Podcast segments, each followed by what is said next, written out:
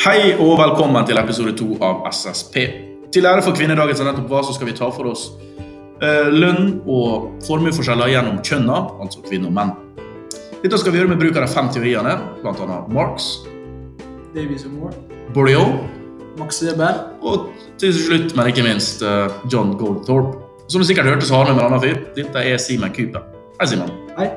Du, hva problemstillinger er vi skal ta for oss i dag?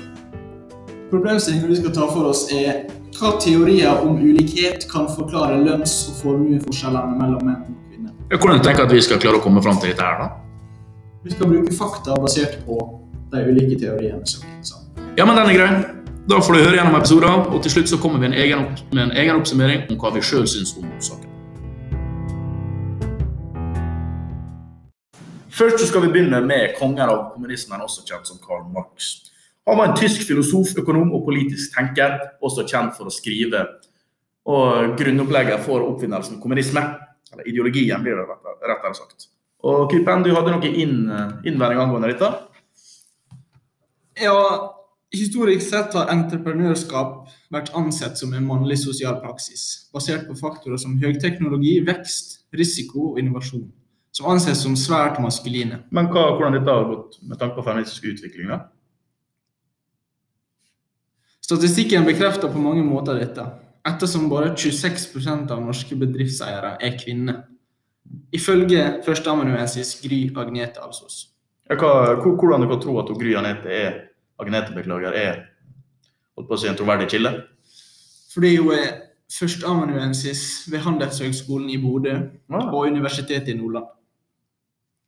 Hun og partneren hennes, seniorforsker Elisabeth Lyngren, har i mange år jobba med temaet knytta til kjønn og entreprenørskap.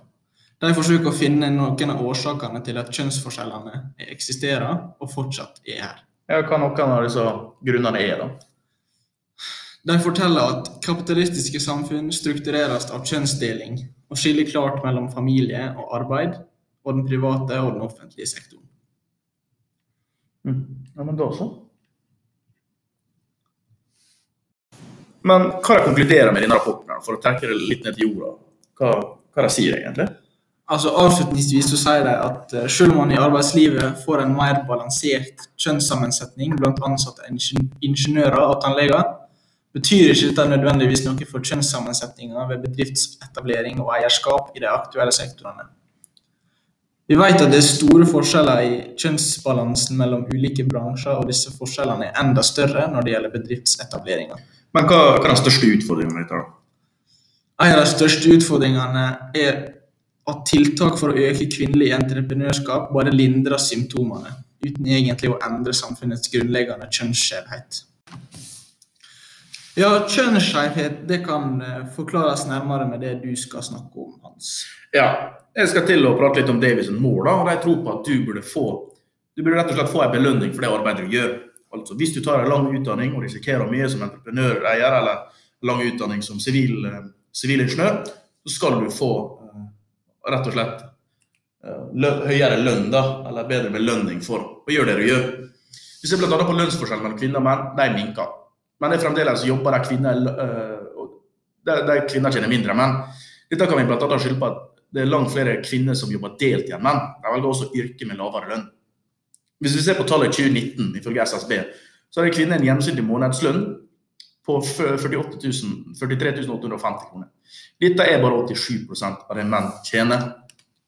Vi kan også se at det er kun 35% av ordførere i dette landet som er kvinner. Og 36 36% av fylkesordførere er kvinner. 12 av 20 regjeringsmedlem er menn, altså som gjør at kvinner utgjør en mindre del av dette. Eh, Da er det veldig lett å kunne korrelere direkte med at kvinner får, har en mindre formue og en mindre lønn, basert på SSB sine utsagn om at kvinner tjener mindre, basert på at de velger mindre risikofylte yrker. Og det finnes mindre toppledere og entreprenører eh, og politiske ledere i forhold til menn. En annen viktig teori som kan forklare disse kjønnsforskjellene, er bl.a. Bourdieu's teori. Denne baserer seg på om det, om det er kvinner som har lavest økonomisk, sosial og kulturell kapital, og det er derfor de da så klart ligger dårlig plassert i det sosiale feltet. Dette har vel du noen tanker om, eller Gudben? Ja, dette kan trekkes tilbake til oldtida, når eh, sånn som i dag, at kvinner har, er dårligere stilt sosialt. Som henger igjen, eller? Ja, Rett og slett. rett og slett. Og vi ser en klar sammenheng mellom sosioøkonomiske ressurser og ulikhet i sosiale relasjoner. Dette betyr at høyere utdanning, inntekt og yrkesaktivitetene øker sjansen for sosiale, større sosiale nettverk, mens personer vi ser med lavere husholdningsinntekt, ofte opplever barriere for sosial deltakelse.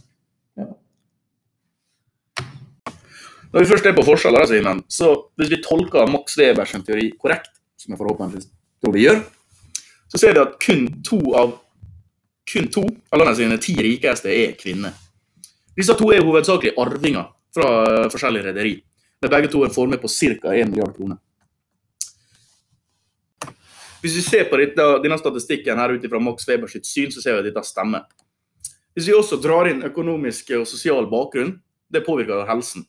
Ifølge en rapport fra Helsedirektoratet ser vi at sosioøkonomiske helseforskjeller er en dannet gradient gjennom forskninga gjennom befolkninga. rett og slett. Dette vil si at det er en lineær sammenheng mellom sosioøkonomisk status og helse. Så med tanke på at kvinner har lavere, eh, lavere formue, ikke bare med tanke på arv, men også ren eh, arbeidsformue, så har de også ifølge rapporten fra helse, Helsedirektoratet også dårligere helse. Det som er årsakene til disse forskjellene, er mønstre, eh, som er komplekse mønstre i årsaks, årsaksforbindelser, og er gjenstand for diskusjon blant forskere. Det er nemlig ikke gitt at helseforskjellene blir borte selv om alle har like lang utdanning. Det er snarere sånn at sosioøkonomiske variablene er et uttrykk for tilgang til en rekke ressurser, både materielle og psykososiale, som da fører til bedre helse. Så når vi ser på denne statistikken, så ser vi at kvinner har ikke bare lavere formue, men også dårligere helse. Som Weber ser Goldthorpe klassene som knyttet til livs, livssjanser. Yrkesposisjon er det som bestemmer hva sjanser en har til å skaffe seg begrensa gode. Han identifiserer først et skille mellom eier og ansatte. Han trekker så et skille mellom de som er regulert av en servicekontrakt, og de som er regulert av en arbeidskontrakt. Førstnevnte har ofte betydelig spillerom og selvbestemmelse i arbeidet og sikkerhet i arbeidsforholdet. I tillegg til at de har jobba som er organisert som karriere. Arbeidskontrakter på den annen side fører med seg mer overvåkning, lønnes ofte på timebasis og har mindre jobbsikkerhet. Her kan vi se at det er sjansene man får i yrkeslivet som bestemmer hva sjansene har ellers i livet. Som vi ser gjennom alle de forskjellige teoriene vi er og Simen har gått gjennom så er det mye forskjell mellom kvinner. Vi ser bl.a. at det er flere bedriftseiere som er menn enn kvinner, ifølge Max Weber sin teori. Vi ser at kvinner har de minst viktige rollene i samfunnet eh, på bakgrunn av topplederstatistikk, ifølge Davis and Moore. Også sier at det er kvinner som har lavest økonomisk og sosial kulturell kapital, og derfor ligger dårlig an. Ifølge statistikken vi har sett, stemmer dette også. Eller hva, Kupen? Ja. Max Weber sin teori som vi nevnte nesten sist, at kvinner har generelt sett ikke bare lavere inntekt, men også dårligere helse. Da kunne vi se på de to forskjellige artiklene vi viste til. At kvinner i lavere sosiale lag har, det, det er stor sosial ulikhet blant kvinner i sosiale lag. Og sist, men ikke minst, John Goldtop, som mener at kvinner oftere har arbeidskontrakt enn servicekontrakt, som Kupen nevnte her, avsluttende. Det vi har lært denne gangen her, da, eller hva, Simon, så er det det at vi har funnet ut kjønnsforskjellene basert på de forskjellige synene, eller de forskjellige teoriene som vi har blitt tildelt. Dette skulle vi da komme med en hypotese med på starten, og det var jo da om forskjellene var så store. Det var det vi skulle finne ut gjennom denne podkasten. Så å bruke disse forskjellige teoriene, og hvis det er forskjellige artiklene vi har brukt, så håper vi at vi har gjort det like klart for dere som hører på, som for oss at kjønnsforskjeller er fortsatt en reell krise. Eller en, en reell sak den dag i samfunnet. Eh, Det er derfor det er viktig å ikke bare kimse av kvinnedagen, men også bruke den til å ikke se så langt vi har kommet, men å se hva skritt vi har igjen å gå. Tusen takk for at du hørte på, og ha en fin dag videre.